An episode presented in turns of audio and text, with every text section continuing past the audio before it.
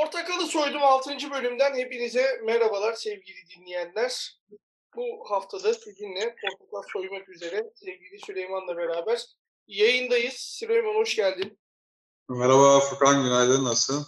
Eyvallah. E, gündem sağ olsun böyle akıyor yine. E, tam yayına girmeden önce şey geldi. Naci Ağbal'ın açıklamaları düştü önüme. Kendisinin e, şimdi şeyde de var. Para politikası ile 2021'deki para politikasına ilişkin sanırım şeyler. Sen bakabildin mi onlara? Bayağı okudum, takip ettim. Canlı dinlemedim ama hani timeline akışında bak. Yani en azından şeyi gördüm ben. Hani e, yükselişin temel belirleyicisinin döviz kuru olduğunu görüyoruz itirafı. Hani döviz kuruna bakmıyoruz biz yani. Ne işimiz var? Dövize mi maaş alıyoruz da. Şu noktaya gelinmiş olması da bir gelişme olarak görüyorum. Şaşırtıcı ama değil mi? Nasıl? Şaşırtıcı bir e, itiraf. Ya ama bence zaten şey değil mi ya? Bilmiyorum sen ne düşünüyorsun da hani zaten sürekli bir acı reçete acı reçete şeyleri söyleyip duruyorlar en tepeden. Ee, onunla uyumlu bir itiraf bence. Ben açıkçası söz konusu döviz olduğunda yani bu tarz e, açıklamaların Cumhurbaşkanı tarafından çok hoş karşılanacağını düşünmüyorum. Hani acı reçeteden de farklı olduğunu düşünüyorum. Bence hani e, ne bileyim şimdi muhalefet ya da işte e, haber kanallarındaki tartışma programlarında bakın Naci Abal bile itiraf ediyor argümanı işlenirse bence tez vakitte reisin çıkıp yani te, e, ters manyel bir açıklama yapacağını düşünüyorum. Yani söz konusu döviz olduğu zaman gerçekten çok şey. Biliyorsun şimdi her konuşmasında bozun bozun bozun bozun diye bir şey yapıyor ya. Evet. Teşekkürler. Ben evet. Yani bakalım göreceğiz. Ben hani görevden alma vesaire olacağını sanmıyorum ama tabii senin dediğin gibi bir karşı salvo hani e, şeye tabanı konsolide etmek için bir şey gelir yani diye olabilir. Çok olası yani o. Şaşırtmaz. Ama bir yandan bunu söyleyip bir yandan da sürekli Avrupa Birliği ile şeyle yatırımcılarla görüşme yapıp kardeşim gelin bak çiçek gibi ülkeyiz bize para getirin falan diyorlar yani. Bu da enteresan bir durum. Evet. Yani habire bir şey peşindeler.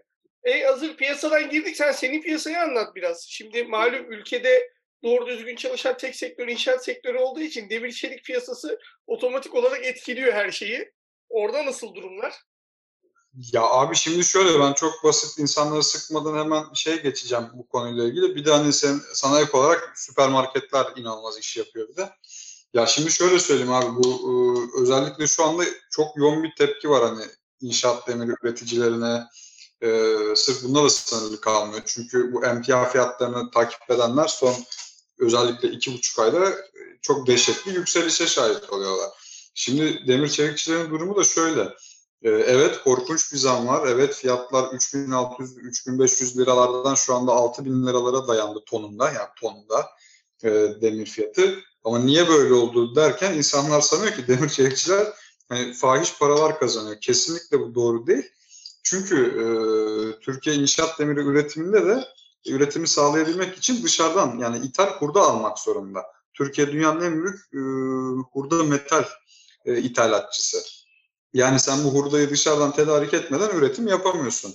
E, bir bakmak lazım hurda fiyatlarına ne oldu diye. 250-260 dolarlardan bugün hurda fiyatları 430 dolarlara dayandı. Ee, hani şöyle söyleyeyim milyonlarca ton mal sattı fabrikalar fakat çok ucuza sattılar. Fiyatlar mesela nasıl diyeyim sana 400 e, 430 e, dolardan, 440 dolardan, 450 dolardan bağlantılar yaptı fabrikalar ihracat için inşaat demirinde. İç piyasa işte demin bahsettiğim gibi 3500-3600 liralardan e, binlerce ton, yüz binlerce ton demir sattılar. E, fakat e, bunların hurdası gelmedi. E, şimdi ne yapmak lazım? Üretmek için yine hurda almak lazım. E, hurda olmuş 430 dolar. Fabrika şey yapamıyor ki. Yani bir para kazanmıyor. Aksine bugün e, 1 milyon ton, 2 milyon ton e, borcu olan, piyasaya borcu olan fabrikalar var. Bunlar hala o inşaat demirini üretmedi. Çünkü hurdaları hala gelmedi. Ucuz yani pahalı, ucuza mal satıyorsun ama pahalıya hurda alıyorsun. Yani durum bu inşaat sektörüyle ilgili ama tabii bu üretim tarafı işin. E, tüketim tarafına bakmak lazım içeriye.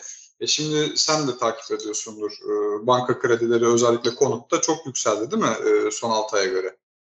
E, tabii. Yani o bir şeyde tem, ne zamanda Haziran ayında mı yapmışlardı bu? Bir faiz böyle indirdiler milleti bir şey yaptılar piyasayı şöyle bir e, ileriye doğru ittirdiler ama bankalar çok çabuk hemen o şeyi değiştirdiler. Yani özellikle özel bankalar kredi verme konusunda inanılmaz sıkılar yani. E, e tabii şimdi şöyle düşün abi. E, yani müteahhitler tabii demir üreticilerine sallıyor fiyatlar faiz diye, faiz diye haksız yere. Ama hani kendimizi ne derler hani on, onların ayakkabılarını şey ne bileyim abi Türkçe bir terim bulamadım. İngilizce derler ya put on his shoes falan diye. Yani hani onların yerine kendimizi koyduğumuz zaman şöyle bakmak lazım. Adam inşaata başlayacaktı atıyorum. E, hedeflemişti işte ne bileyim Kasım'da inşa Aralık ayında işte temeli atarım diye. E, adam 3 ay ertelediyse e, bundan 3 ay evvel inşaat demiri 3500 liraydı. Bugün aynı malı almaya kalksa 6000 lira tonda hani yaklaşık neredeyse e, iki katı kadar bir maliyet artışı var. Bu sırf demir tarafı. Çimentoda falan da durum böyle abi. Ya dünyada inanılmaz bir e, talep oldu. Ne oldu ama bu Covid yüzünden. Hani her yer böyle durmuştu. Zaten bizim piyasalar Covid'den önce de çok parlaklıydı. E, Covid döneminde şimdi yassı çelik vardır abi. Bu yas, yassı çelik saç falan şey kullanılır. Otomotiv ve beyaz eşyalarda. Bu pandeminin ilk başıyla beraber e, işte bu otomotiv ve beyaz eşya sektöründe çok fazla e, tüketim durduğu için bayağı kapasite azaltıldığı için biliyorsun bir tane buralarda da bayağı bir durmuştu değil mi fabrikalar bir ay falan böyle otomotivde. Türkiye'de de durmuştu diye hatırlıyorum sanki Covid'le beraber. E şimdi o, o... Her yerde otomotivdeki artışın sebebi de o zaten. Otomotiv e, fabrikalar üretim yapamıyordu ki. Ha işte sonra ne oldu abi? İşte bu e, biraz böyle artık baktılar olacak gibi değil. Bütün e, otomotiv sektörü, beyaz eşya sektörü Covid'den önceki üretim üretim limitini yakalamaya çalıştığı için tekrardan başlayınca hepsi aynı anda yüklenince birdenbire inanılmaz bir yas çelik talebi oluştu. Yani yassı çelik dediğimden de saç, saç üretirsin. Saçta arabalarda beyaz eşyada kullanırsın. Birden böyle bir patlak verince hem Çin, Japonya, Güney Kore, işte Amerika, e, Türkiye zaten Türkiye'de var 4 tane 5 tane üretici bunu yapan e, sacı, sıcak sacı. E, ne oldu abi? E, acayip bir patlama oldu. O da fiyatlara yansıdı. İşte 500 dolarlardan 750-800 dolarlara çıktı bugün e, saç dediğimiz olay. E, aldı başını gitti bu saç üretmek için de biliyorsun kütük mütük lazım. Yani hani hep böyle hurda lazım, kütük lazım işte bir şeyler lazım ve arz yok. Bir de kış korkunç bir fiyat patlaması oldu. O yüzden Allah hani müteahhitlerin de iyi müteahhitlerin yardımcısı olsun.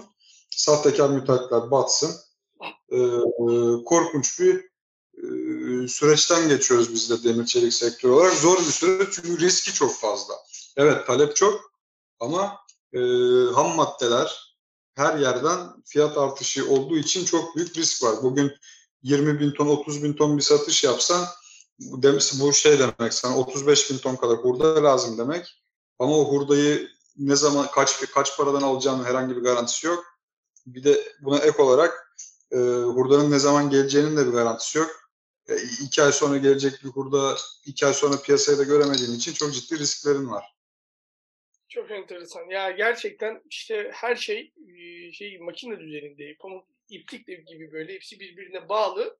Bir tanesi aksarsa hepsi gidiyor işte. Yani inşaat sektörü için de zor tabii Türkiye'de. Ev almak isteyen insanlar için zaten evler çok pahalıydı. Şu an sanırım ne kadar oldu bilmiyorum. Herhalde standart bir dairenin maliyeti 120 bin liralardan 250 bin liraları falan çıktı diye biliyorum inşaatta. Aşağı yukarı. Abi çıktı ya çıkmıştır. Yani otomatik olarak her şey yüzde yetmiş beş yani emtia bazında yüzde yetmiş civarı artmış. Ya. Bir de buna banka kredilerini koy. O işin o tarafı var. Şimdi değinmedik ama e, şöyle sana söyleyeyim en basit hesaptan. Bak garantinin web sitesini açtım şimdi. Çok basit bir şey yapalım. Konut kredisi hemen burada ana sayfada gösteriyor. Atıyorum normal bir semtten 200 işte diyelim ki cebinde 300 bin lira param var. Bir tane 200 bin lira kredi çekelim mi? Yani aşağı yukarı o civarda zaten. Hani eli yüzü düzgün bir semtte bir ev 500 bin liradan aşağı değil şu anda. Tamam. Ya ona bile zor buluruz da şu anda. Neyse 200 bin lira ihtiyaç. Abi 200 bin lira konut kredisi çekelim. Ee, kaç vadeli çekelim? 120. O ona 10 sene çekelim değil mi? 10 sene çekelim. Abi 1.49 faiz oranından e, senin geri ödeyeceğin para tamam mı abi 200 bin liradan çekersek 10 ay vade yaparsa 10 sene vade yaparsak abi ayda 3600 TL geri ödüyoruz tamam mı?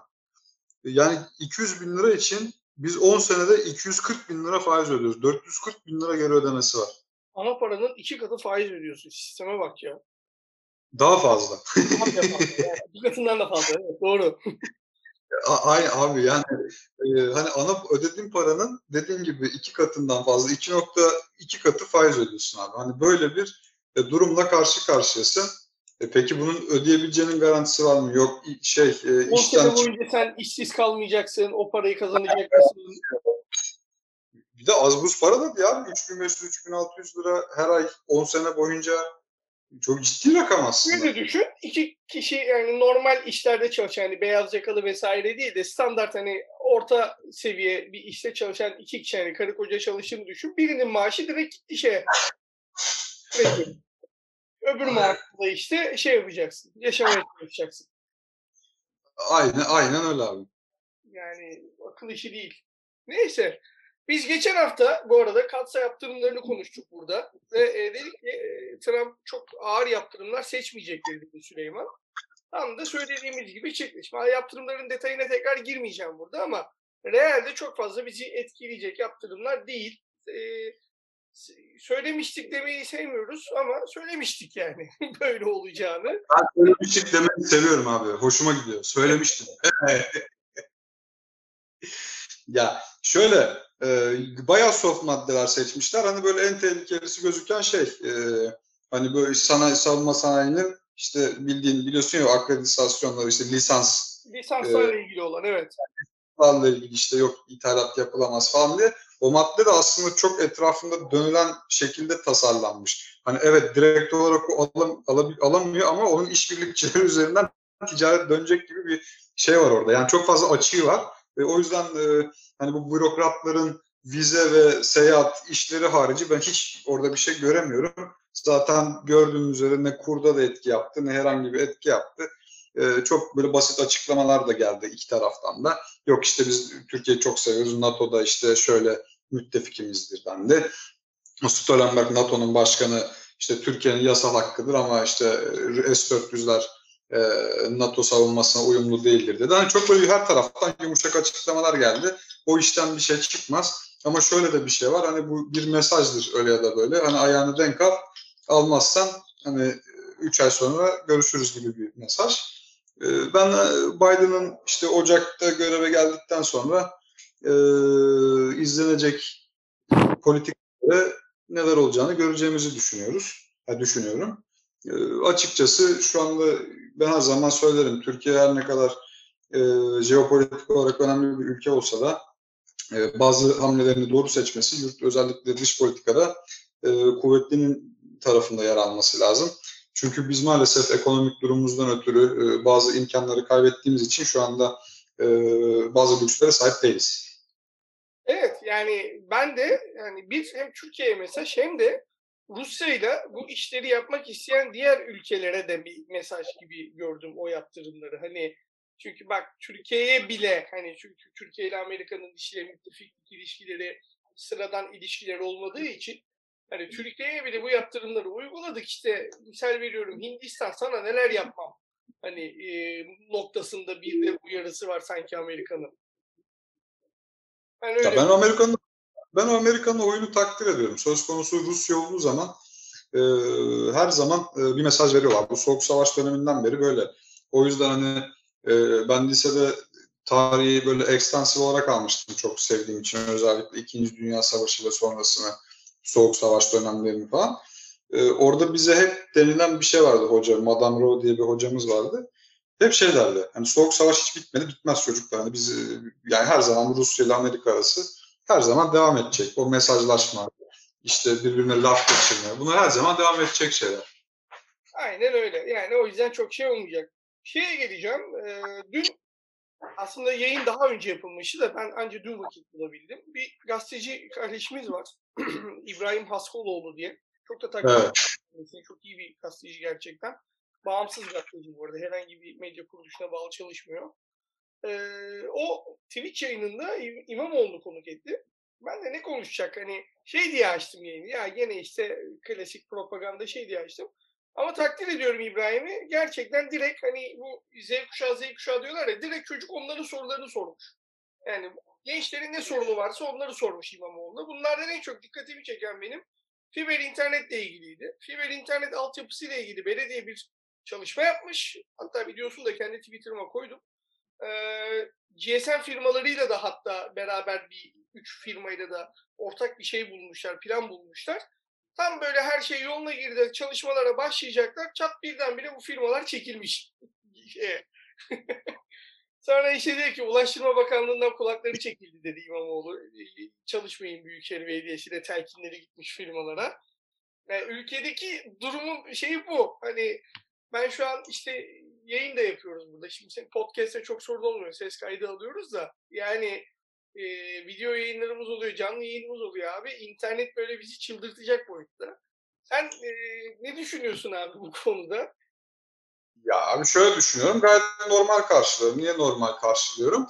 E, çünkü zaten biliyorsun e, Büyükşehir Belediye Başkanı seçildikten sonra adamın yani Cumhur, Sayın Cumhurbaşkanı'nın e, ilk açıklaması bunlar hani topal ördek. E, o yüzden şimdi nasıl diyeyim bir laftan dönememek, sözden dönememek var. E, şimdi senin Cumhurbaş Cumhurbaşkanı böyle bir açıklama yaparsa e, alt kademedekiler de kendisini memnun etmek için e, engel koymak, taş koymak isterler. E şimdi zaten görüyorsun mesela Büyükşehir Belediyesi çok güzel şeyler yapmak istiyor. Atıyorum diyor ki e, ben mesela kortizon kullandığımdan dolayı tuzsuz ekmek yemek durumundayım. Tuzsuz ekmek benim temin edebileceğim çok fazla e, fırını yok.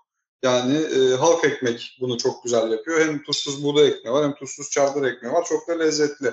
Ama halk ekmek e, Göztepe'de mesela çok fazla şubesi olan bir yer değil.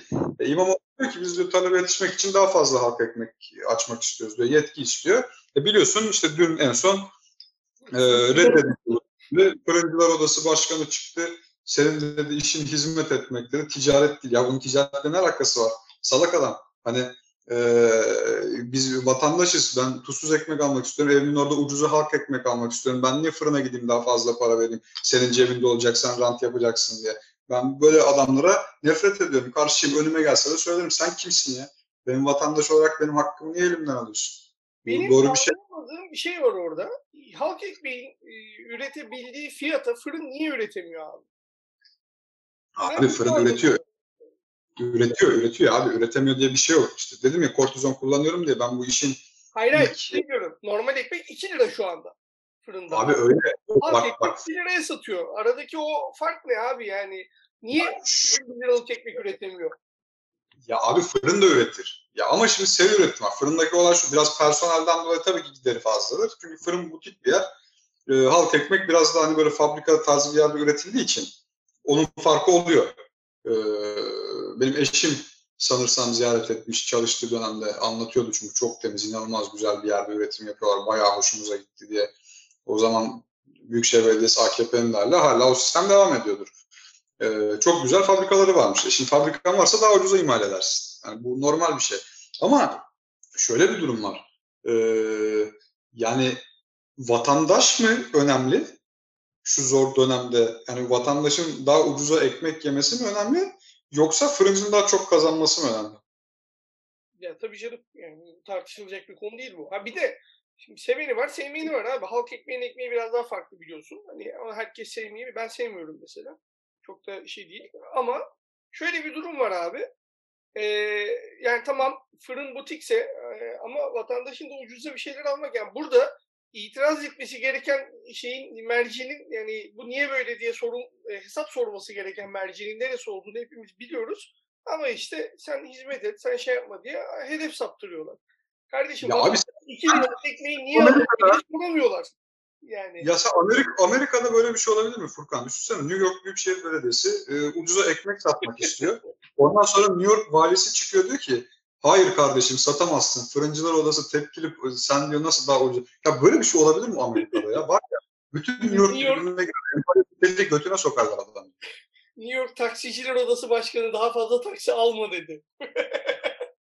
ya bak o da o da acayip trajik bir şey. Ya kardeşim ne kaliteli hizmet istemiyorsunuz? Biz bildiğin sabıkalı e, sabıkalı teröristlerle seyahat etmek zorunda mıyız? Ara, ulan ben Kadıköy'de takıldım dönemlerde işte 4 sene evvel falan. Arabaya biniyorsun eve gideceksin. Daha adam sigara yok diyor ki abi içsem zararı var mı? Ulan pezenek bir sor önce tamam mı? sonra yak ya. Sonra yak. Sonra yak ya. Bak bir kere bindim sana yemin ediyorum rıhtımın oradan. Adam abi doldurmuş pet şişeye vodkayı. Abi içsem zararı var mı? Benim de kafayı yok kardeşim gittim zaten o kafayla ben sana ne içme mi diyeceğim.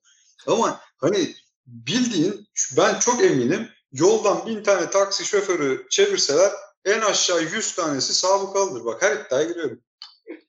Ya çok şeyler işte. Şimdi neydi o onu da sormuşlardı yayında işte. Uber hani insanlar taksi hizmetinin kötü olduğunu Uber gelince anladılar Türkiye'de, İstanbul'da diye bir yorum yaptı İbrahim Askoloğlu. Çok doğru bir yorumdu o. Hani daha iyisini görünce insanlar o an siktir biz ne çekmişiz lan bu kadar senedir diyor haliyle. Yani düzelir mi? İşte bunlar iktidardan gittiği zaman düzelir bir takım şeyler. E daha bir 3-5 senemiz var sanırım onları görmemize. Öyle görüyorum. Ya zaten bu ülkenin en büyük sıkıntısı seninle daha evvel de konuşmuştuk. İnsanların yurt dışı görmemiş olması. Yurt dışına gidip iki hafta bir medeniyette vakit geçiren insanlar, gezen insanlar sorgulamaya başlar bu ülkeyi. Çünkü biz maalesef Avrupa'dan 50, Amerika'dan da bir 80-100 sene geri bir toplumuz hizmet bakımından. Ama insanlar bunun farkında değil çünkü yurt dışına çıkan sayımız çok az. Ya çok basit. Geçen yani iki sene önceydi herhalde. Biz bir 4-5 ay şeyde Helsinki'de kaldık eşimle. Eşimin e, işlerinden dolayı. Abi Helsinki dediğin yer işte ocağın ortasında gittiğimizde eksi 17, eksi 20 arası her yerin buz olduğu bir yer. Ya yani böyle bir şehirdesin. Her yer buz. Yani yollar da aynı şekilde ama yollarda asla buz yok. Otobüs işte biri 3 geçe mi gelecek abi? Maksimum biri 4 geçe geliyor o buzda bile. Yani hiçbir şekilde şey olmuyorsun abi. Yani otobüs biri 3 geçe gelecekse geliyor abi biri 3 geçe. Seni götüreceği yere biri 25 geçe varacak mı? Hani öyle bir planlama mı yapmışlar? 25 geçe orada oluyor abi. Çok ekstra bir durum olmadıysa yolda kaza vesaire yoksa. Yani hani bu kadar şeyin buzun karın içinde olan bir yerde bile bunu aksamadan yapılabiliyorsa işte ufacık bir kar yağdığında bir şeyler aksıyorsa işte orada bir takım altyapısal sorunlar vardır, bilmem ne vardır. E şimdi millet diyor ki işte şimdi mesela yağmıyor da yağsa İstanbul'a kar gene aynı sorunlar olacak. Millet diyecek ki bak İmamoğlu da geldi çözemedi. Ya birader 25 senedir babam mı yönetiyor bu şehri? 25 senedir niye yapılmadı bu? yani. Ya işte insanların politik, politik görüşten ayrılmaları lazım ya. Belediyecilik ve politika çok ayrı şeyler. Yani bu şehirde herkes yaşıyor. Bu burada AKP'si, CHP'si, MHP'si, HDP'si, işte e, Liberal Demokrat Partisi, Perinçekçi Vatan Partisi gibi şeyler hani boş işler abi. Sen şehir şehir kaliten yani şehrin kalitesi senin yaşam kaliteni direkt olarak etkilediği için hani burada particilik yapmak çok saçma sapan bir şey ama işte bizde biliyorsun her şey gruplaşma üzerine. Aykut yani, Aykutçular, imamcılar bilmem neciler ne bileyim ya. Senin evde daha iyi internet bağlantısı almandan mevcut işte siyasi yapının nasıl bir zararı olabilir abi? Ben bunu çözemiyorum yani. Aklım mantığım almıyor. Hani ya orada olay güç kaybetmek abi. Yani şimdi şöyle e, nasıl şimdi kafa onların şöyle çalışıyor. Eğer diyor belediye bu firmayla çalışmaya başlarsa biz diyor bu firmayı artık hani kontrol edemeyiz gibi. Anlatabiliyor muyum? Yani sebep o yani. Orada orada zaten direkt firmanın tepe yönetimleriyle alakalı. Evet. Neyse artık e, siyaset şeyini geçelim. Biraz da şeye geçelim yani. Magazin tarafına doğru ilerleyelim o zaman. Şimdi geçen hafta konuşacaktık atladık ondan başlayalım abi. Geçişte reklamında oynayan Masterchef jürisi olur mu ya? abi yani e, olmaz ama adamlara herhalde öyle paralar veriyorlar ki e, yani kabul ediyorlar. Bana çok acınası geliyor açıkçası. Ben hani o, o kalibrede bir şef olsam, o kadar yetenekli olsam ben çıkıp şey yapmam ama hani donmuş bir da bak hani bak Lezzet'te de oynarsın sonuçta. Ee, adamlar konuşuyor. Web, web sitesine de baktım. Hani normal ürünleri de var. Ama ya bir karizma olur. Dersin ki kardeşim tamam ben hani sizin organ işte e, tavuk reklamınızda oynarım. işte bütün tavuk reklamınızda. Ama bana don, beni donmuş gıda reklamında oynatmayın dersin. Hani bir donmuş tavuk ya da donmuş e, nugget tarafında oynamazsın. Çünkü sen bir şefsin abi. Yani sen Avustralya'da iki tane restoranı olan fine dining işleten Osmanlı mutfağını kendi yeteneğiyle birlikte harmanlayıp çok ilginç tabaklar çıkaran Somer Sivrioğlu'sun. Para için bu kadar vasat bir reklamda oynamaman lazım diye düşünüyorum. Ama sonra diyorum ki ya Vedat Milor Ülker golf reklamında oynadı. Ar- o da var ya değil mi? Arda Türkmen Knorr reklamında oynuyor. Yani hani işte para. Ya adamlara da bir şey diyemiyorum. Valla ben Mehmet Şef var işte. O bence Mehmet Yalçınkaya çok beğendiğim bir şef Ama kendisi. Şeyde oynamıştı ama o gene şey Migros reklamında hani şey Migros hemen de oynamıştı. Taze sebze meyve geliyor falan diye. O daha mantıklı. Tefal'de falan da özel kreasyonu var adamın. Hani yine diğerlerine göre bir tık daha şey e, bir de şimdi makarna reklamında oynamış makarna. Hepsi makarna. Danilo da makarnada oynuyor. Ya ne bileyim tam para tatlıdır, iyidir ama hani biraz da e, kendine saygın olması lazım. Şimdi ben ne iş görüyorum? Demir çelik işiyle. E, kalkıp da çok kötü yani sabıkalı bir firmanın reklamında oynar mıyım? Oynamam. E şimdi hadi bak Somer Bey denese. Çünkü Lezzet da gerçekten şimdi firmayı gömmeyelim. Böyle güzel ürünleri var donmuş gıda haricinde. Ama Vedat Milor'sun sen abi. Senin ne işin var Ülker Golf'le ya? Yani para abi işte ne yapsınlar ya. E, çok mu ihtiyacı var acaba Vedat Milor? Adamın zaten CV'sine baksan o oturan para yani. İşte onu bilmiyorum ne kadar kazanıyor, ne yapıyor, ne ediyor. Ee, ama şöyle bir e, şey var. Yani e, tabii ki de para alsınlar. Mesela bak makarna dedin onunla ilgili çok değişik bir bilgi vereyim. Barilla e, Türkiye'de fabrika açtı biliyorsun. Evet. Adana taraflarında oralarda bir yerde Konya Adana oralarda bir yerde. Fabrika açmadan önce gelip çeşitli bölgelerden abi buğdayları ölçüyorlar. Alıyorlar kendi laboratuvarlarına. En iyi buğdayın olduğu yere yakın yere açtılar fabrikayı ve e, neredeyse bütün Asya, Asya ve Orta Doğu tarafına ihracatı yani Barilla'nın şeyini Türkiye'den gönderiyorlar. İtalya'dan göndermiyorlar artık. Hatta ben İtalya'dayken işte orada şey yaparken Barilla ile iş yapan birisi vardı. Bizde de çalışan bir adamdı. O söylediği yani Türkiye'deki Barilla İtalya'dakinden daha iyi demişti bana. Şey olarak, makarna kalitesi olarak. E dedim belli oluyor zaten marketteki fiyattan yani. Öbürlerinin fiyatıyla Barilla'nın arasında ciddi fark var çünkü yani. Hani ama işte dediğin gibi abi yani şeyden gelen bir para bu kadar da para geldi diye bu kadar düşmeyelim ya. Gerek yok. Şeye girmeden ha şu şeye gelelim ya. Dün akşam bak yine spor ama yine biraz magazine de kaçar bu. Fenerbahçe'nin sportif direktörü Emre Belözoğlu bir e, şey gündem özel programında çıktı. Bu akşam da Sertaç Konsoğlu çıkacakmış basketbol takımı ile ilgili olarak. Enerjisinden bahsedecek sanırım takımın. Ee, Emre'nin e, şeyini nasıl buluyorsun abi? Ben e, kostü yani şeyini e, canlı yayın e, kıyafetine bayıldım. Kreasyonuma katmayı düşünüyorum. E, soracağım hani nereden almış kaza. Sen ne diyorsun? Ya, abi ben yakıştıramıyorum yani bu kurumsal zihniyet böyle bir şey değil. Şimdi insanların bence sahip oldukları mevkiyle ilgili bir e, eğer göz önünde bulunuyorsan tabii ki sen yani önünde kamera yoksa bir şey yoksa kulübe girersin istediğin şekilde istersen şofmanla git beni ilgilendirmez. Ama toplumun yani milyonlara hitap edecek bir konuşma yapacaksan ben bir sportif direktörden e, bir takım elbise beklerim, kravat beklerim. Benim bakış açım budur.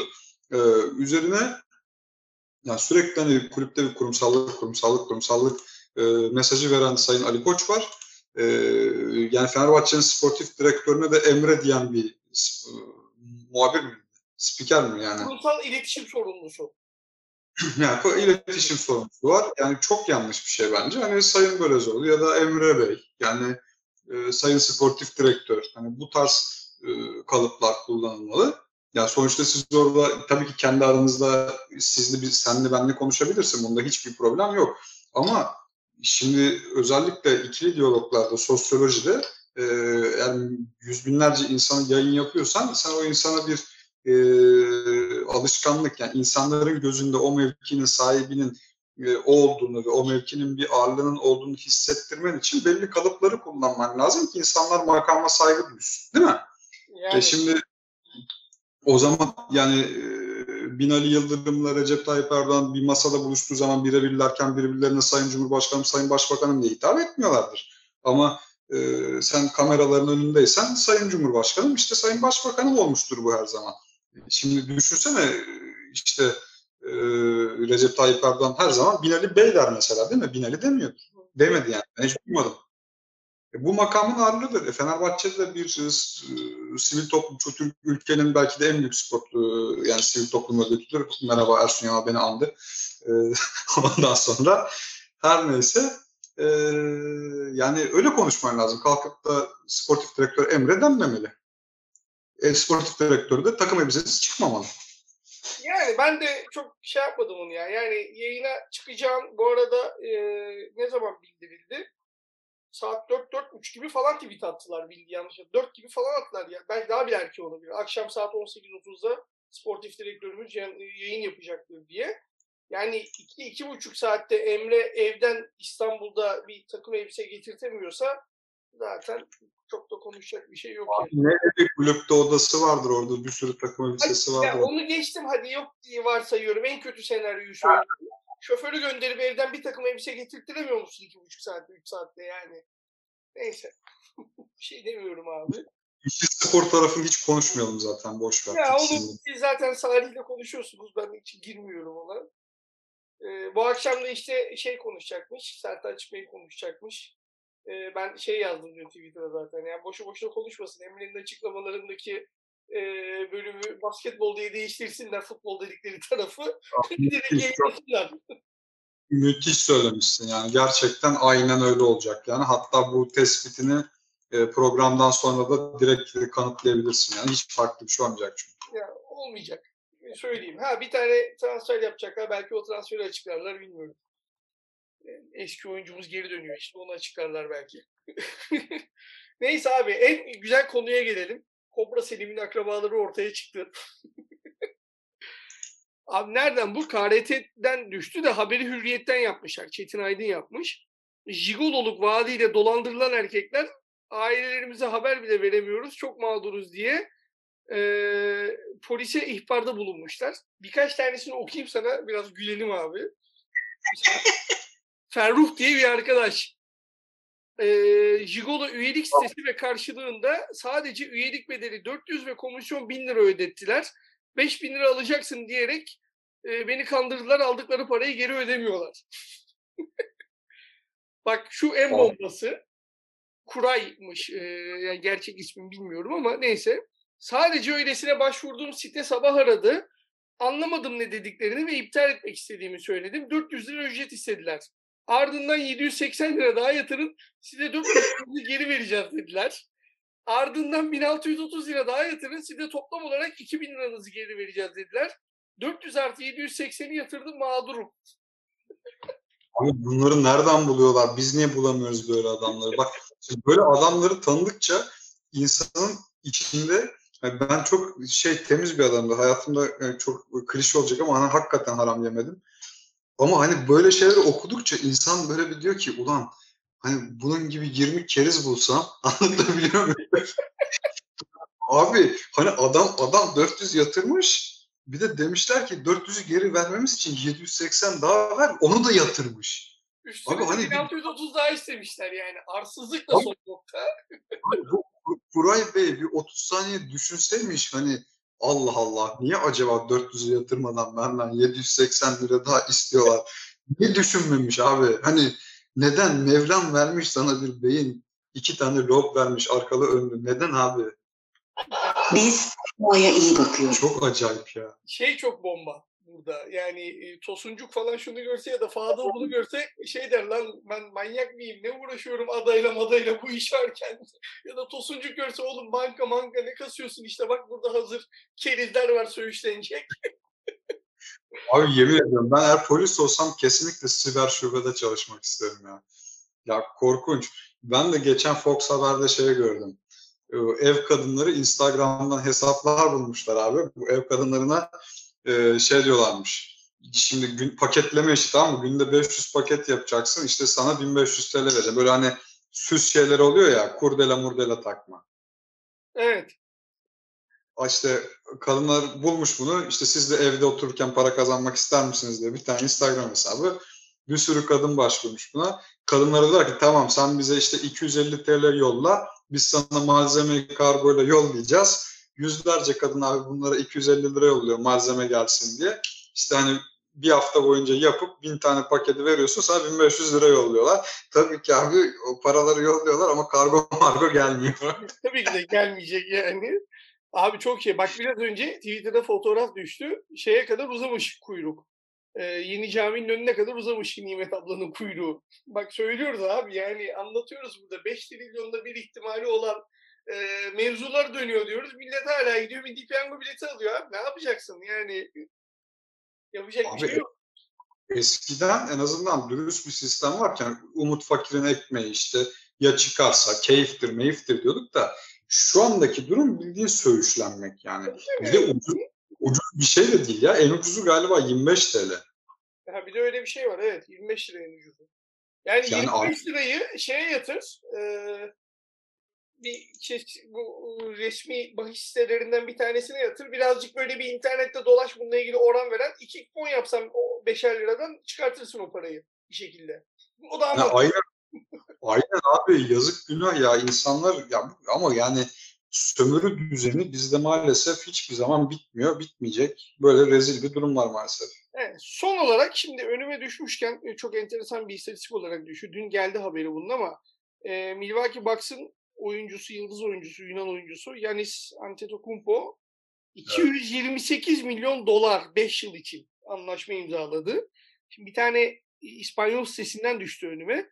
Saniyede 1,5 dolar kazanıyor. Dakikada 88 dolar. Saatte 5280 dolar.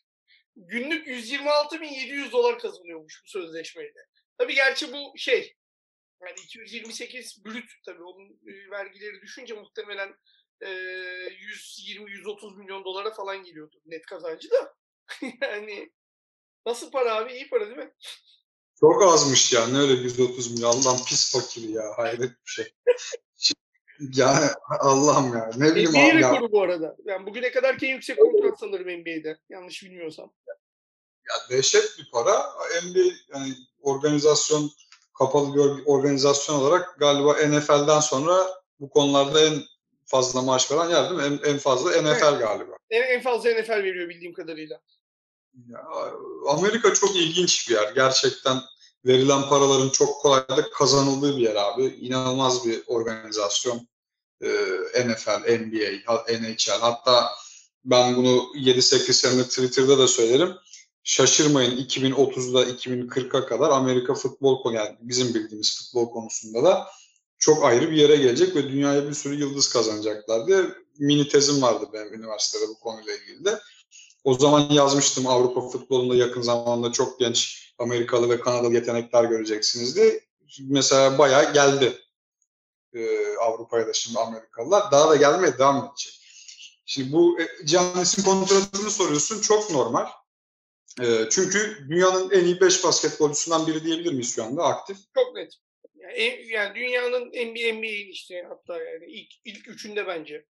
Beş Yani ya abi hani sen dünyanın en pahalı organizasyonunda en iyi basketbolcularından biriysen, yaşında gençse, e, milyonlarca insan, ya milyonlarca hayranın varsa, senin yüzünden her gün milyonlarca insan televizyonu açıyorsa, reklamları izlettiriyorsa, Amerika'da reklam her şeydir. E, biliyorsun Super Bowl olayı vardır mesela. Orada reklamlara ödenen paraları da biliyorsundur. E, hani çok böyle firmalar firmalar kapışır birbirleriyle 5 saniyelik, 10 saniyelik reklam vermek için iki haneli milyon dolarlar havalarda uçar. Ya Giannis Antetokounmpo'ysan e, senin bir ya, kitleyi etkileme, e, etkileyecek bir oyun kabiliyetin varsa o paraları alırsın. Helali hoş olsun. Yaptığı istatistiklerden de zaten ne olduğu belli adamın. Ben her kuruşu hak ediyordur. Bir de hani Kıvame Brown gibiler vardı. Hani dehşet kontratlar alıp da hiçbir şey yapamayanlar. Miliciçler falan. Abi şey Yani geldi. oralar Fenerbahçe'de oynadı ya bir numara seçilmişti. Neydi o Kanadalı e, Anthony Bennett. Higgins, Higgins. Ya hani o- oluyor ama mesela Emre konuda da çok yol kat etti bence. Eskisi gibi çok sabıkalı işler olmuyor sanki. ha? Yani- Sen daha iyi takip edersin Ya ama. tabii eskisi kadar olmuyor. Gene şeyler var ama e, eskisi kadar olmuyor. Çünkü oyuncular da çok daha farklı bir yöne evrildi. Bir de tabii işi bu paranın artması Avrupa basketbolunu bitirdi. Yani o ayrı bir konu tabii de. E, Çünkü artık şeyde birazcık işte Avrupa'da işte bak çok basit bir örnek vereyim şimdi. E, Karşıyaka'da oynayan bir tane genç milli bir kardeşimiz var. Yani Nijerya'dan oralardan bir yerden bulup getirdiler bu çocuğu 12 yaşında. Türkiye'ye. 15-16 yaşında işte şimdi e, Amerika'ya gitti çocuk. Yani burada profesyonel takımda oynamak yerine şimdi prep kolejde oynuyordu. Prep school diyorlar ya. Yaşı, yaşı tutmadığı için seneye muhtemelen NCAA'ya geçecek. Bir sene orada oynayacak, istatistiklerini şişirecek. Hop bir sonraki sene NBA'ye gidecek bu çocuk. Yani hiçbir şekilde Avrupa'yı düşünmüyor. Çünkü orada çok daha büyük bir para var. Menajerleri de onu istiyorlar çünkü. Orada daha büyük para kazanacaklar.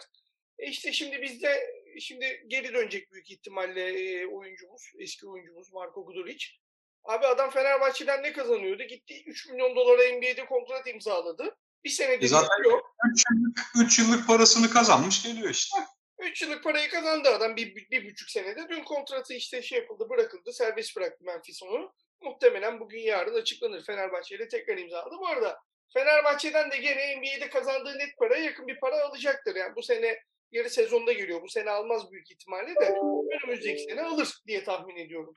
E Yani fıstık gibi iş. Hem de o NBA'yi deneyimlemiş olduk. Yani insanlar şey diyorlar ya kenarda havlu sallıyor. Abi orada kenarda havlu sallamak bile önemli adamlar için. Çünkü niye? Özel uçakla seyahat ediyor. Uçakta işte ne bileyim poker oynuyor takım arkadaşlarıyla falan. O ayrı bir keyif o oyuncu için yani. Bunu Ya bir de şu var. Sen benden iyi bilirsin ama şu da var yani. Avrupa'da ne kadar üst düzey basketbol var ki özellikle hani bu sene ben izliyorum. Ee, ya şöyle bir şey var. Euroleague evet keyifli bir organizasyon olabilir. Hani şimdi Covid'den dolayı bir şey diyemiyorum. Ama hani ben de bir basketbolcu olmak istesem NBA'de o ortamda olmak isterim. Abi burada basket yok ya. Hani Rusya'ya gidiyorsun bir sevimsiz. E şimdi ben de Fenerbahçe maçını izledim abi. Bu basketbol değil ki o ya. Hani değil yani. Yani şu çok Fener maçına çok şey Abi şimdi ben, ya, ya ben çok seviyorum basketbol abi. Euroleague basketbolunu da izliyorum yani. CSK'yı izliyorum kitap gibi oynuyorlar tamam mı? Real Madrid'i izliyorum eskisi gibi olmasa da yine oynuyorlar. Yani şunu demek istiyorum. Bana mesela CSK harici izlerken aa işte basketbol bu diyen bir takım ben şu anda göremiyorum. Barcelona'da dahil buna. E, tabii. Biraz da tabii parayla alakalı bu durum. E, onu Şimdi ama- şey yaparız. Yani ben çünkü geçen sene şey diyordum bizim bu basket yayınlarında. Se- Senin bütçen 30-35 milyonda kalsa bile 2-3 sene sonra 35 milyon euro ligde orta takım bütçesi olacak dedim. Kimse dedi ya olmaz öyle şey falan dedi. Pandemi geldi hadi 5 seneye revize edeyim bunu. 5 sene sonra sen 30 milyona anca işte şu anki kurduğun takıma benzer bir takım kurarsın euro ligde. Ama em- bu NBA kaynaklı bir şey. Sana katılmakla beraber ben bu paraları kulüplerine asla verebileceğini düşünmüyorum. Orada senden ayrışıyorum. Niye diyeceksin? Veremiyorlar. Veremeyecek. Ya veremezler. Yani şu anda Fenerbahçe'nin mesela önümüzdeki e, 30 sene boyunca belki hani bütçesini 20-25 milyon dolara çıkarması bile ben çok mümkün görmüyorum yakın zamanda. Çok zor. Ee, Fenerbahçe çok zor. Ya- Yani ben şu anda basket konuşmuyorum. İşin ekonomik tarafına bakıyorum. Basketbol benim uzmanlık alanım değil zaten. Ama e, şimdi CSK verir mi? Verir. Çünkü yani başkanına bakıyorsun, adam yani gaz sponsorluklarına bakıyorsun. Bunu rahatlıkla karşılayabilecek Devlet bir destekli kulüp bunlar. Yani CSK devlet destekli kulüp abi. Şimdi mesela Kız, Ya- Kız da devlet destekli bir kulüp ama hani Sırbistan hükümeti kendi çapında bir destek veriyor onlara. CSK'nın arkasında şey var, e, devlet var. E, Petersburg, Gazprom. Gazprom, Zenit. Zenit'i, Zenit'i şey yapıyor Gazprom şu anda. Evet. Ama da sonuçta devlet firması. Yani birine sen burayı para vereceksin diyorlar, öbürüne de buna vereceksin diyorlar. Sonuçta hepsi Putin'in baktığın zaman. Yani Aynen öyle. o yüzden eee, çok zor. Yani hani Real Madrid, Barcelona kendi gelirlerinden zaten oraya para aktarıyor. Senin onlarla yarışmana imkan yok hiçbir şekilde.